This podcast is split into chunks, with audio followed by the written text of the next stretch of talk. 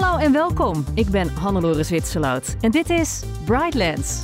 De jonge teler van vandaag is niet meer de teler die graag zwarte handen krijgt.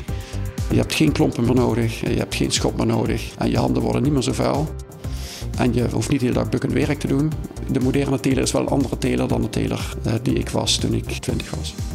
De bedrijven die bij ons komen, die hebben toch wel vragen inderdaad over hoe kan het product bijvoorbeeld wel net zo lekker zijn, maar misschien wat minder vet bevatten, wat minder zout. Dus dat het wel enigszins natuurlijk nog steeds gezond moet zijn, maar anderzijds dat de consument het ook lekker vindt. Men wordt steeds zwaarder met allerlei gezondheidsgevolgen die daarbij komt kijken. Terwijl we de consument daarmee wel een heel erg aantrekkelijk product kunnen bieden, waarbij we wel aan de eisen van de consument voldoen voor lekker gezond te kunnen snacken. Kunnen snacks echt gezond zijn? Hoe ziet het telen van de toekomst eruit? En hoe weten wij wat de consument echt lekker vindt? Dit zijn de vragen die onze gasten bij de Brightlands Campus Greenport Venlo onderzoeken en beantwoorden.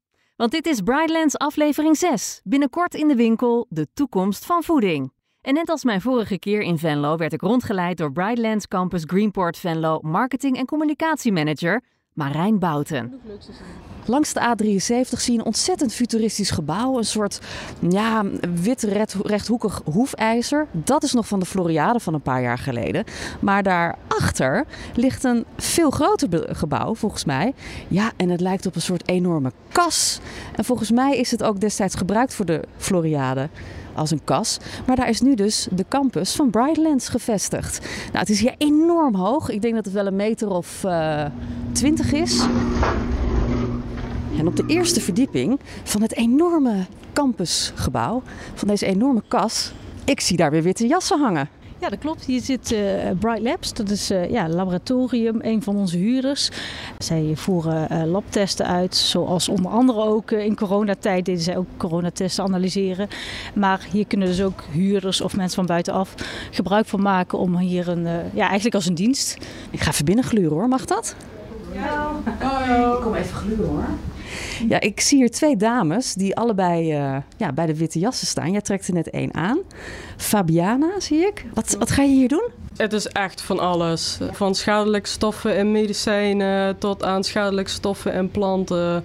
Tot aan bepaalde concentraties van bepaalde componenten in een product. Ik bedoel, het is echt zo ontzettend veelzijdig. En wat is het leukste wat jij hebt mogen onderzoeken? We doen hier zelf ook methodeontwikkeling. Een, een, klant komt hier binnen en die zegt van ja, we willen dit onderzocht hebben. Kunnen jullie dat? Ja, en dan krijgen wij de projecten uh, krijgen we dan. En dan mogen we dat zelf gaan uh, onderzoeken om te kijken of we daar een methode voor kunnen maken. Mooi. En roept er iemand wel eens heel hard Eureka? Ik heb het nog niet gehoord. Zal ik anders even heel hard Eureka roepen als ik daar uh, sta? Dank jullie wel, werk ze. Doeg! Bedankt hè. En eigenlijk zie je hier voornamelijk dus ook de bedrijven uit de regio die hier dan een box huren en daar bijvoorbeeld een uh, R&D-afdeling hier hebben zitten of een andere type afdeling die dan weer gebruik maakt van het ecosysteem van de campus eigenlijk. Dus op het moment dat je iets wil gaan onderzoeken als bedrijf, mm -hmm. dan ben je hier dus ook op de juiste plek? Ja, absoluut. Een stukje verderop hebben we een uh, Nutritional Concept Lab staan. Dat wordt nu voornamelijk gebruikt om gezonde smoothies in te ontwikkelen. Dus groente- en fruitsmoothies. Dat is eigenlijk een hele grote trechter waarin een mixer en trechter. Dat doe ik thuis ook. Ja, dat doe je thuis ook inderdaad. En daar ga je ook mee experimenteren. Ja. Uh, maar hier zit dan vaak ook echt een stukje wetenschap. Dus dat is dan weer heel vaak een samenvoeging met de Universiteit Maastricht. Of inderdaad een lab. En uh, ja, dat is eigenlijk waar je als campus ook voor dient. Hè? Het samenvoegen van bedrijven die eigenlijk in een consortium dan uh, zaken onderzoeken. Ja. Ja. ja, we staan hier naast een enorm laboratorium. Ik denk dat een stuk of uh, ja, misschien wel tien tafelblokken zijn. Met allerlei apparatuur. Allemaal flessen zie ik. Mensen hebben veiligheidsbrillen op. Ontploft er wel eens iets? Nou, tot op heden is het volgens mij allemaal nog redelijk veilig uh, zijn ze hier te werk gegaan. Ik heb het niet meegemaakt dat er... Uh, later hebben we wel een ontruiming gehad, maar dat had te maken met uh, dat brandalarm afging. Ja. Dus moesten ze allemaal wel de ruimte verlaten. Maar tot op heden gaat het goed. Ja, maar bijzonder dat vlak bij die lunchplek, vlak boven de kookworkshop van al die kids... dat er dan gewoon zo'n high-tech laboratorium zit. Wat er gewoon echt uitziet. Toch, als ik een laboratorium zou moeten tekenen, dan zou het zo zijn. Met allemaal buizen die het plafond ingaan. Hoe heet dat? Ja, klinisch vind ik ja, het. Klinisch, ja ja, ja, ja, ja. Het ziet er heel klinisch uit. Met flessen, met draden eruit en zo. Wauw. Ja, leuk om dat zo te zien. Ik ook de veelzijdigheid van de campus. Eigenlijk alles wat hier samenkomt. eh, Inderdaad, van, van kindjes tot onderzoekers, tot bedrijven, tot eh, nou, ja, misschien ook wel multinationals die hier toch ook weer een, eh, een box huren om, eh, om gebruik te maken van de dingen van de campus.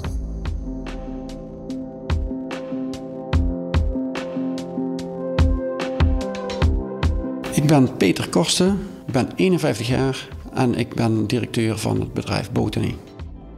Botanie is een onderzoeksbedrijf dat producten ontwikkelt voor wat zij de professionele tuinder noemen. Wij noemen dat de landbouwindustrie. Maar geen landbouw zoals wij dat kennen in Nederland met eh, enorme kassen of eindeloze vlakke velden. Nee, integendeel, bij Botanie gaan gewassen de hoogte in. Oftewel vertical farming.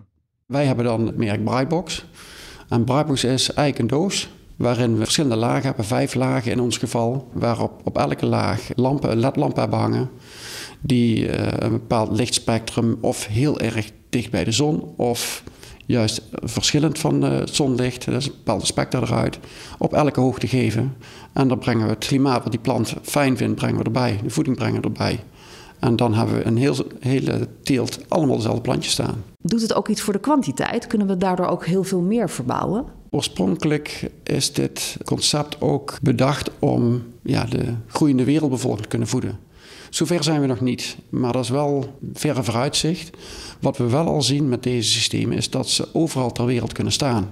Dus dat we ook in steden in Afrika, ook in het Midden-Oosten, mensen van verse voeding kunnen voorzien met de juiste vitamines en uh, mineralen, waardoor je echt vers product aan mensen kunt uh, bieden. Ja, dat dat een hele belangrijk aspect is. Je ziet ook in veel landen, juist in steden, zie je deze systemen opgezet worden. Want dan is het voedsel vers vlakbij de consument. Ja, want wat is vers? Hoe snel moet het dan bij de consument zijn? Het is een beetje verschillend per product. Maar als je in vertical farm wordt heel veel kruiden, bladgewassen geteeld. Nou, dan moet je in een paar dagen denken. Liefst de volgende dag. Een week is lang. Ja, ik denk dan bijvoorbeeld aan hele uh, droge gebieden, woestijngebieden desnoods. Die kunnen dan dus ook eindelijk verse groenten eten. Ja, het zijn ideale systemen voor die klimaten. En je hebt geen last dat het te heet is en dat de zon zeer brandt. En je hebt veel minder water nodig, want al het water wat we gebruiken komt in die plant terecht. Alles wat die plant verdampt, vangen we weer op en brengen we weer naar die plant. Dus je hebt maar 5% van de hoeveelheid water nodig. Maar 5%? Ja. Wauw. Als je naar de woestijn kijkt, is dat heel aantrekkelijk. Ja, en we kunnen, omdat we het gesloten hebben, hebben we geen gewasbeschermingsmiddelen meer nodig. Dus pesticidengebruik is nul. Indoor kunnen we dus zonder gewasbeschermingsmiddelen. Ja. Maar het klinkt wel alsof de tuinders een beetje buitenspel worden gezet. Is dat zo? De automatisering gaat overal door. In kassen, buiten uh, en ook in, in vertical farms. Maar uh, er zijn twee dingen nog cruciaal. In, ook in die farms. Dat is dat, een, dat iemand het product wil kopen. Uh, dus je hebt mensen nodig die een behoefte hebben. En je hebt een persoon nodig die de biologie snapt van de plant. En die daarmee aan de slag kan. En dat is de teler. Het is wel een modernere teler die daar nodig is. Want ook die teler moet iets van lampen weten. En die moet ook iets van techniek weten. De teler wordt meer een operator. Maar heeft wel die groene vingers nodig. En ga je af en toe nog echt wel met je vingers de aarde in? Als moderne teler? Of ben je vooral ledlampen aan het inregelen? Uh, nou, de, de, uiteraard is het nog steeds een plantje. Maar een verschil zit is dat wij dat bijna zonder substraat doen en in water telen. En ik moet zeggen, de jonge teler van vandaag is niet meer de teler die graag zwarte handen krijgt. Dus ik denk dat het heel goed past bij de teler van vandaag. Maar je hebt geen klompen meer nodig, je hebt geen schop meer nodig. En je handen worden niet meer zo vuil. En je hoeft niet de hele dag bukkend werk te doen. Dus in dat opzicht, de moderne teler is wel een andere teler dan de teler uh, die ik was toen ik 20 was. Ja, ik wou zeggen, want jij komt uit een telersgezin, toch? Je vader die uh, zat in de tomaten. Ja. Komt daar ook jouw passie vandaan? Ja, zonder meer. De plant en het produceren van een product waarvan je overtuigd bent dat het uh, gezonder is dan andere producten. Ja, en daar ook een, bijdrage kunnen leveren aan de gezonde toekomst voor iedereen. Ja, is eigenlijk wel waar elke tuinder wel warm voor loopt. Ja, je zei net, de jonge telers die willen geen uh, zwarte handen en vuil onder hun nagels krijgen. Maar de generatie van jouw vader, wat vindt die hiervan? Ik moet zeggen dat de gemiddelde teler daaraan moest wennen. Omdat het beeld van, je hebt geen teler meer nodig, het gaat allemaal vanzelf. Dat beeld leefde toen heel erg. het is niet zo, maar dat beeld was er wel. Dus die hadden daar wel wat moeite mee, omdat ze eigenlijk ja, toch dachten overbodig te worden. Maar goed, de werkelijkheid is uh, iets genuanceerder. Dus op dit moment zie je toch dat ook de ervaren telers de voordelen gaan zien. En ook, ook het werk wordt wat eenvoudiger, wordt wat makkelijker. Het feit dat je de gewasbeschermingsmiddelen niet meer nodig hebt, is fijn voor de consument. Maar is nog veel fijner voor degene die ermee moet werken. Want die werkt er elke dag in. De emotie daarin is wel aan het veranderen, heel duidelijk aan het veranderen. En hoe ziet dat eruit aan de buitenkant, zo'n Brightbox? Een Brightbox is gewoon een doos.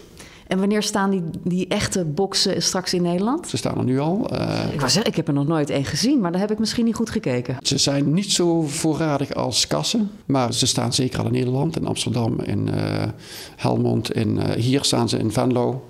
Ja, ze staan op verschillende plekken en er zijn nog een aantal te noemen. De meeste zijn nog niet heel grootschalig.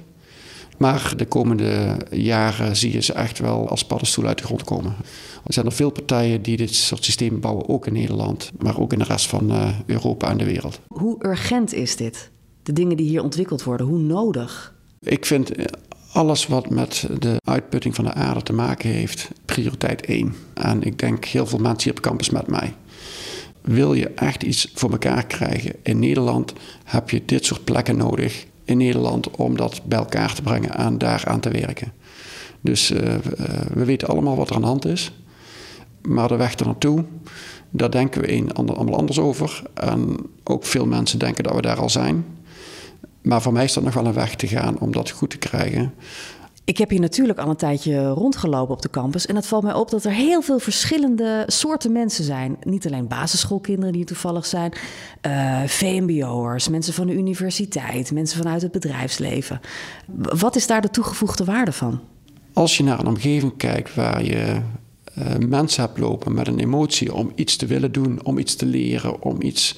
Als die bij elkaar brengt, geeft dat een bepaalde energie aan iedereen die hier ook een werkplek heeft die je bijna niet voor kunt stellen als je in een eigen kantoortje zit, buiten een omgeving waar je iedereen tegenkomt. Het geeft gewoon een energie. En die energie die voel je hier op een campus. En dat motiveert ook al mijn mensen die hier werken, al mijn eigen medewerkers, om ook een keer een gesprekje aan te gaan, om breder te kijken. En ook om te zien dat de wereld groter is dan dat stukje waar je zelf je deskundigheid op hebt. Ja, dus het is niet alleen een, een, bron van innovatie hier, maar ook een bron van inspiratie. Juist, dat is soms wel ontbreekt binnen een bedrijf wat op een afzonderlijke locatie ligt. En ik denk ook voor een opleiding die afgezonderd ergens zit, dat het voor alle mensen goed is om even over de schutting te kunnen kijken en dan niet voor naar een andere plek te hoeven, maar het op één plek te kunnen zien. En dat kan hier. Peter Korsten is directeur van het bedrijf Botanie.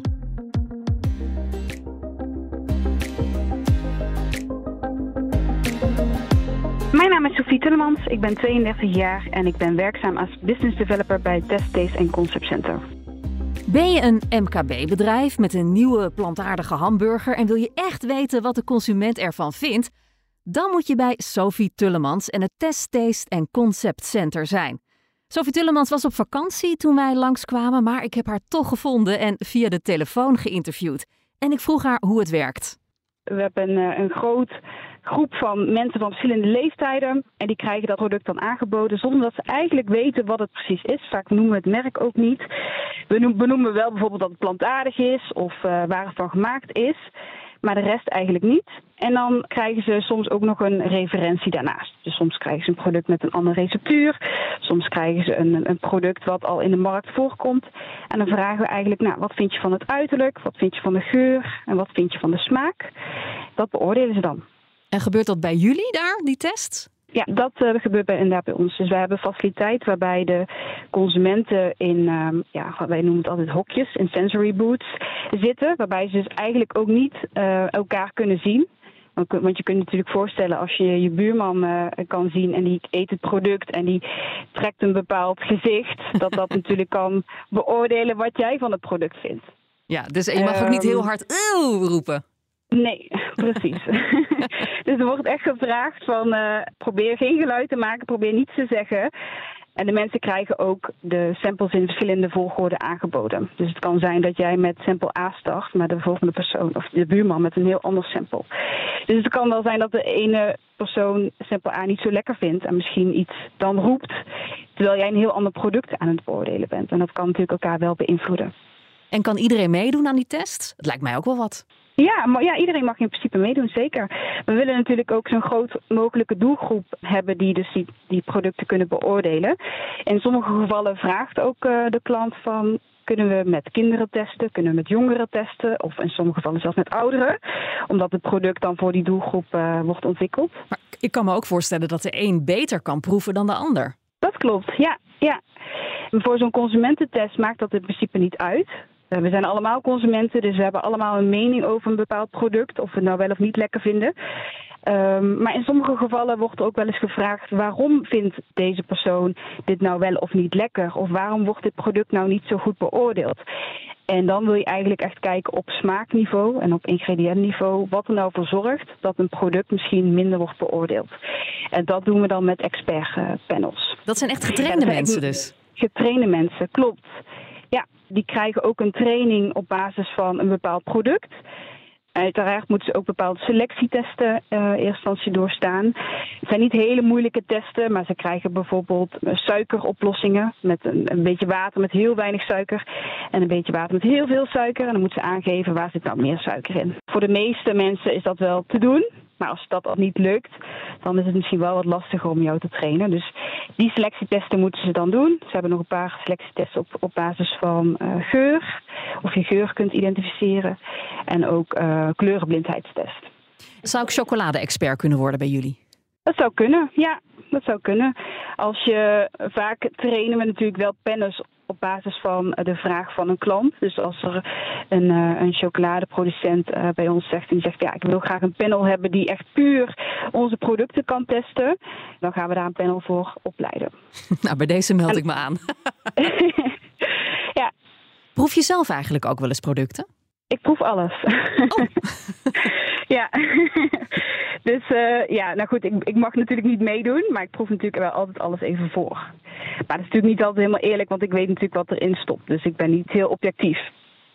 Kun je een voorbeeld geven van, van een product wat jullie hebben getest en wat ik nu in de supermarkt vind? Ja, we zitten met name wel uh, vaak op de gezonde of gezondere en duurzame producten, nieuwe innovaties. Dus veel gerelateerd aan plantaardige producten, dus uh, vleesvervangers. Uh, we hebben onlangs ook een, een, visvrije tonijn ge, getest van Siso Good. die ligt ook momenteel in de supermarkt. Um, producten van Resti, dat zijn producten die ook plantaardig zijn. Van verschillende reststromen worden die gemaakt. Waar we allerlei soorten koude soepen van maken. Die zijn van Van Kneus. Het zit wel vaak op een beetje de plantaardige hoek op dit moment. En op welke dingen ben je, ben je trots? Welke innovaties waarvan jij echt zegt van wauw, kijk, dat hebben we voor elkaar gekregen? Deze conceptcenter bestaat nu vanaf 2019. In eerste instantie zijn toen natuurlijk de eerste gesprekken gevoerd van ja, we willen deze in, uh, bij, op de Brightlands Campus uh, natuurlijk ontwikkelen. En als je nu kijkt wat er in de afgelopen jaren staat en daarnaast we kunnen natuurlijk uh, met ons centrum uh, heel veel bedrijven ondersteunen bij het duurzamer en gezonder maken van hun producten. En als je dat uiteindelijk ook in de supermarkt uh, terugziet, is dat wel heel leuk. Ja, uiteindelijk maak je de wereld toch weer een stukje beter. Ja, dat proberen we op, op die manier zeker. En, en maakt het ook nog de vorm uit van, van dingen, hoe ze, hoe ze komen? Bijvoorbeeld als een, als een soep of als iets vast of zo? Nou, we hadden onlangs een, uh, een, ja, eigenlijk waren dat ook verschillende plantaardige uh, burgers, vleesvervangers. Uh, we hadden eenzelfde receptuur die we hadden getest enerzijds in balletjes, anderzijds in, in burgers. En toen zagen we dus dat de balletjes beter werden beoordeeld dan de burger, terwijl eigenlijk het product identiek was. Dus dat maakt ook nog wel eens uit hoe het product wordt gepresenteerd bijvoorbeeld. Welke stappen verwachten jullie nog te maken qua uh, innovatief eten? Wat je wel heel veel ziet is dat de bedrijven die bij ons komen, die hebben toch wel vragen inderdaad over hoe kan het product bijvoorbeeld wel net zo lekker zijn, maar misschien wat minder vet bevatten, wat minder zout, wat minder suiker. Dus dat het wel enigszins natuurlijk nog steeds gezond moet zijn, maar anderzijds dat de consument het ook lekker vindt. Word je nog wel eens uitgenodigd uh, voor etentjes bij vrienden? Ik kan me voorstellen dat jij een hele kritische eter bent. ja, dat valt eigenlijk wel mee. Ik, ik denk dat ik juist een hele makkelijke eter ben. Maar het is natuurlijk wel zo dat ik vaak wel kan zien of het product misschien wat gezonder is of wat niet. Maar ik heb geleerd om daar niet zo snel een oordeel over te geven. Zeker niet als mensen zelf verkondigen dat een product heel gezond is of juist helemaal niet. Dan hou ik me vaak een beetje op de achtergrond. Maar het komt natuurlijk nog wel eens voor dat ik, zeker ook in het buitenland, uh, op verpakkingen kijk en zie, hey, ze hebben dit gebruikt hier of ze hebben dat ingrediënt gebruikt. En dat wil ik natuurlijk wel eens delen met mijn tafelgenoten. En wordt niet per se altijd ge geaccepteerd als in dat ze dan het idee hebben, ja, maar ja, nou vind ik het niet meer zo lekker. Als ik bijvoorbeeld zeg uh, dat een bepaald yoghurtje hè, wat 0% vet bevat, toch best wel wat suiker bevat. En dan uitleg waarom, hoe ze dat dan wel dikker maken, hè, dat je wel dat mondgevoel hebt van dat vet. En dan uh, vertel dat er bijvoorbeeld wat ja, een soort van maïzena aan toegevoegd is. Dan zeggen mensen, ja, nou vind ik het yoghurt eigenlijk helemaal niet meer zo lekker. En nu ik dat weet. Dus dan ver verpest je het eten voor anderen. ja, dus ik probeer daar ook niet te veel over te zeggen. Een vriend kwam laatste keer thuis met twee verschillende soorten kipsnietsels. En hij weet nu wel van ik moet kijken naar het aandeel kip bijvoorbeeld. En dan zegt hij ja, maar dit was ook 70% kip, maar dat was 5 euro. Ik zeg maar even wat. En dit andere was uh, ook 70% kip, maar dat was maar 2 euro. Ja, ik heb die van 2 euro gepakt, want die was veel goedkoper en dat is hetzelfde. En dan leg ik uit wat dan het verschil is in kip. Wat niet per se slecht is hoor, maar dan leg ik wel uit waarom de prijs er wat minder is. En dan zegt hij ja, maar ja, wil ik dat niet weten, want dan had ik beter die van 5 euro kunnen kopen. Maar hij durft nog wel boodschappen te doen voor je. Ja. ja, ik zeg er niks over, alleen als hij inderdaad vraagt wat, uh, wat kan ik beter doen. Sophie Tullemans is verantwoordelijk voor het Test, Taste en Concept Center. En op weg naar mijn volgende afspraak heeft de marketing- en communicatiemanager van de campus, Marijn Bouten, mij het Test, Taste en Concept Center laten zien. Ja, en, en wat gebeurt hier? Want het zijn een soort cubicles, een soort hokjes die ik zie. Ja, we hebben hier twee vormen van testen. We hebben een, eh, een, een soort huiskamersetting uh, gecreëerd waar, uh, waar de proefpersonen zitten en waar ze eigenlijk ook mee in discussie gaan. Dus een paneldiscussie. Maar je hebt ook de, inderdaad de witte afgescheiden hokjes. Eigenlijk kun je ze vergelijken met, met een stemhokje. Dus dat je eigenlijk geen, geen prikkels van buitenaf. En daar gaan ze dus echt gericht proeven en vragenlijsten invullen. Ja, want dit ziet er niet zo heel gezellig uit. Nee, dus niet dat je denkt, je, je verwacht misschien bij een test en taste center iets heel futuristisch. Maar dat, dat is dit niet. Dit is gewoon echt om de focus op het product te houden. Ja. En hoe lang zitten mensen hier dan te testen? Uh, meestal zijn het sessies van, uh, um, volgens mij is het een uur en een paneldiscussie is, uh, is anderhalf uur. Nou, dan eet je wel met aandacht, denk ik. Absoluut, absoluut. Soms doen we ze ook met kinderen. dat is dan, hangt dan ook weer samen met, met het Cooking Lab eigenlijk. Dus, dus dan ja, komen er echt gerichte vragen voor kinderen. Zoals granola's die getest moeten worden of kinderen. Of je kinderen ander ontbijt kunt laten. Ja, je kunt de kinderen natuurlijk geen uur in een hokje laten zitten. Nee, nee, nee. Dat zal ook vaak op andere plekken gebeuren. Dit is, dit is meer medisch onderzoek. Ja. ja. ja. Nou, lekker. Ik wil je best uh, een keer komen proeven hoor, als jullie nog iemand zoeken. Nou, we gaan ons panel graag uh, aanvullen. Doen met... jullie ook een chocoladetest? Ja, ja, we gaan eens, ja, gezonde chocola, pure chocola denk ik. 90 procent, ja. ja. Nou, bij deze meld ik me aan. Mijn naam is Art Muizenberg. Ik ben uh, 26 jaar uh, jong en ik ben uh, directeur Business Development and Innovation bij Sudriso Groep. 26 jaar! Alleen de kokende scholieren van aflevering 3 waren jonger dan Art Muizenberg in deze serie. Maar 26 is niet te jong als je medeoprichter bent van wat hij noemt een uit de hand gelopen afstudeerproject. En in dat project probeerden ze iets te maken wat mij na aan het hart gaat snacks. Maar dan wel supergezonde snacks, zoals de Shihitake biltong. Hoe werkt dat dan? We hebben nieuwe technologie ontwikkeld, een deep drying technologie noemen we dat. En in Jip en Janneke taal uitgelegd is dat eigenlijk een heel groot apparaat waarmee je kan uh, frituren in het uh, eigen water van producten. Dus dat houdt in dat je bijvoorbeeld chips kan maken van paprika die uh, smaakt naar paprika chips, die eruit ziet uh, als paprika chips en waar eigenlijk bij, vrijwel niks anders in zit dan uh, paprika. En dan zit er ook geen vet of zout of andere toevoegingen bij. Dus dat je eigenlijk heel erg gezond kan snacken. Dat klinkt me echt als muziek in de oren. In, ja, dat kan ik me indenken. Ja. en, en wat voor techniek gebruiken jullie dan? Want je, je noemt het een soort, wat zijn een verwarmings, een soort supermagnetron of zo? Ja, eigenlijk is het gewoon een enorm grote en krachtige, uh, efficiënte magnetron. Waarmee we heel erg snel uh, al het water uit een voedingsproduct halen. En je dan een knapperig product overhoudt. Met dezelfde structuur van gefrituurd voedsel, alleen zit er dan helemaal geen vet in. Mm. En, en wat voor spullen gebruiken jullie dan daarvoor om in die chips te doen? Paprika noemde je al? Eigenlijk allerlei reststromen uit uh, onze omgeving. Dus we zitten op de Brightlands campus in uh, Venlo. Maar wat, wat zijn reststromen? Want dat klinkt niet heel aantrekkelijk. nee, dat kan ik me indenken. Dat kan ik me indenken.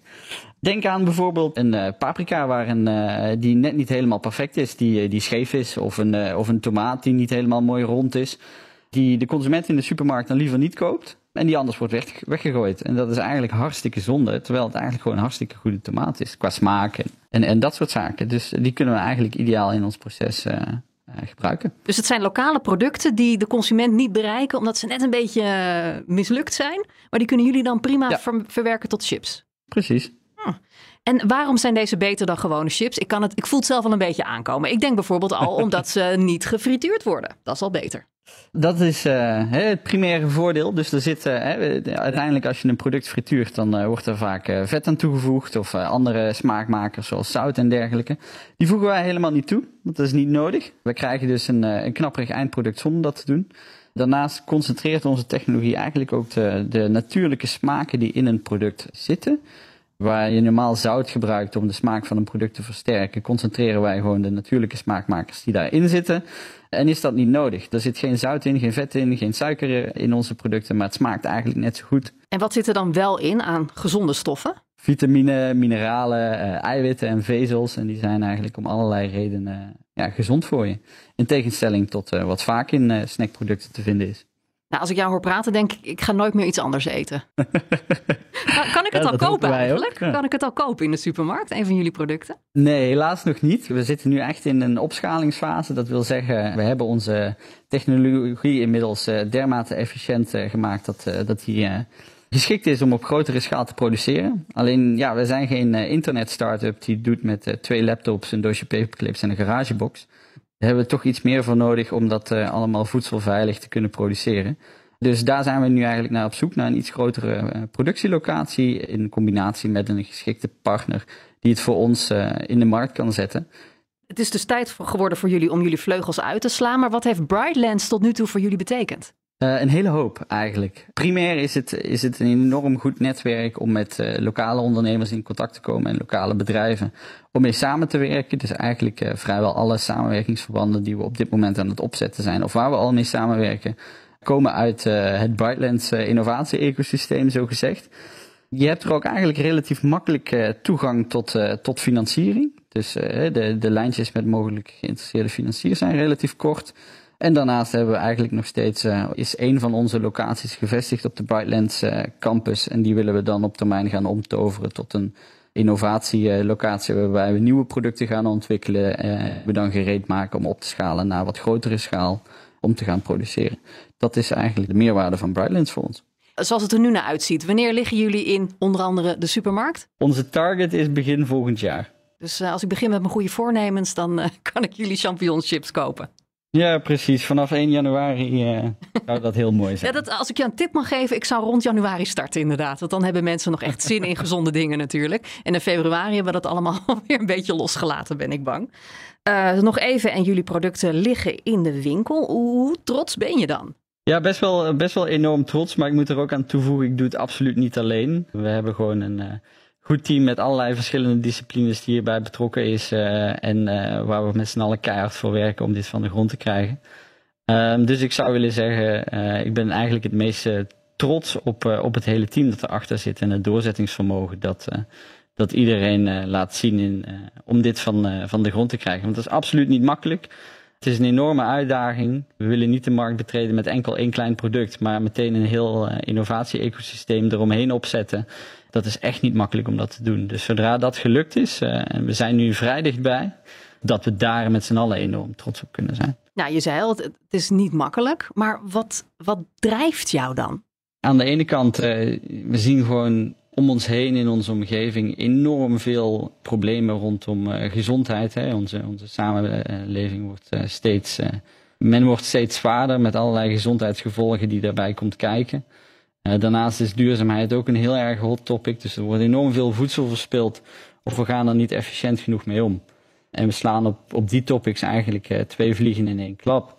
Terwijl we de consument daarmee wel een heel erg aantrekkelijk product kunnen bieden, waarbij uh, we wel aan uh, de eisen van de consument voldoen voor lekker gezond te kunnen snacken. Dat is de reden waarom we dat doen. We maken het eigenlijk voor de consument veel gemakkelijker om duurzamer en gezonder te leven. En nog even, en mijn kinderen eten alleen nog maar champignonchips en geen gewone chips meer. Bijvoorbeeld. Art Muizenberg is hoofd Business Development en Innovation bij Sudriso Group en is medeoprichter van Bites Food Innovations. Voordat ik wegging, mocht ik wat gezonde snacks proeven. En daarom heeft Paul Geurt, de RD-operator van het bedrijf MyFood, mij gebracht naar, ja, wat was het? Een soort van mega mixer. Dat is een mixer, ja. Daar maken wij onze groente- en fruitmengsels in. Uh, wij kijken bij de mengsels naar de grondstoffen. Daarbij willen we de beste hebben, dus de beste blauwe bessen, de beste paprika's. Die laten we testen in het lab. Op basis daarvan uh, stellen wij de ideale mix samen en die blenden we hier. Wat goed, eigenlijk een smoothie 10.0. Ja, dat uh, kun je wel zo zeggen. Wij uh, maken deze ook in samenwerking met de Universiteit van Maastricht. Die hebben er drie jaar op uh, 200 testpersonen getest. En daar, die resultaten die hebben we nu. En daarmee kunnen we echt aantonen dat we preventief de weerstand verhogen tegen bepaalde welvaartsziektes. Ja, want jij bent dus van een bedrijf en dat huurt dus een werkplek hier op de campus. Ja, ja we zitten hier in dit torentje in de, in de Villa Flora. En daar zit ons R&D-lab. En wat doen jullie hier dan precies? Hier uh, maakt... Ik zie iemand echt in, in witte jas staan met een haarnetje en een soort helm op. Is dat voor als die mixer naar beneden komt? nee, we, hebben hier, uh, ja, we hebben hier, werken hier met machines, dus er is altijd uh, een beetje gevaar. we hebben ook wat laaghangend ijzer. Dus ja, dat is een petje met een beschermkap, dat je niet je hoofd stoot en meteen het bloed eroverheen stroomt. Ja, en zij gaat nu smoothies maken? Nee, zij heeft nu, daar zijn we nu is een nieuw product. Daar willen we een, een gezondheidsreep maken met groente en fruit erin verwerkt. Wat goed. Ja, ja, we maken eigenlijk van een, van een uh, klein korreltje, daar sproeien we eigenlijk de groente- en fruitmengsels op. Die drogen we en dan willen we die korrel weer gebruiken in onze reep. Zodat je een reep eet en groente en fruit tegelijk. En is dit al te koop? Nou, het is nu nog in, in, in, in ontwikkeling. Het is een kleine markt te koop, zeg maar, op onze webshop. Maar het is, heeft nog wel wat uh, ontwikkeling nodig. Nou heb ik best trek. Uh, mag ik wat testen? Jij wel. Ja? Tuurlijk. Oh, wat tof. Nou, graag. Ik ben benieuwd. Dan heb ik in één keer mijn groente en fruit van vandaag binnen, toch? Ja. Leuk. Hoe is het om hier zo midden op die campus te zitten? Want ja, er gebeurt hier van alles. Ja, ik vind het uh, zelf erg leuk omdat je zelf sneller in contact komt, ook met andere bedrijven. Je hoort wat hun doen in innovaties. Wij zijn bezig met innovaties. Ik denk dat het een soort uh, kruisbestuiving is uh, onderling. Dus ik stel me zo voor, jij ging bij de koffieautomaat staan en je zei, ja, ik ben met smoothies bezig. En toen zei iemand anders, ja, maar ik wil geen smoothie, ik wil een reep. En toen dacht jij, dan gaan we een reep maken. Ja, zo is het eigenlijk wel een beetje ontstaan, ja. Dus eigenlijk vanuit de, de klantenvraag van, kan het niet makkelijker dan el- iedere keer zo'n flesje mee? En daar zijn we eigenlijk een beetje begonnen met het ontwikkelen van die reep. En dat loopt nu nog steeds, zoals je kunt zien, achter mij. Nou, ik, ik wil een hapje. Ik ben benieuwd. Ja, dat was lekker hoor. Goeie bite. En uh, ja, het idee dat je iets gezonds eet, dat is natuurlijk sowieso top. En dat was het voor deze aflevering van Brightlands. Ik wil marketing- en communicatiemanager bij Brightlands Campus Greenport Venlo, Marijn Bouten, weer bedanken voor de rondleiding. Deze podcast is van de vier Brightlands innovatiecampussen in Limburg. Jonathan Gruber deed de productie en de techniek was in handen van Wesley Schouwenaars. Meer weten? Kijk op brightlands.com. Ik ben Hannelore Zwitserloot. Bedankt voor het luisteren.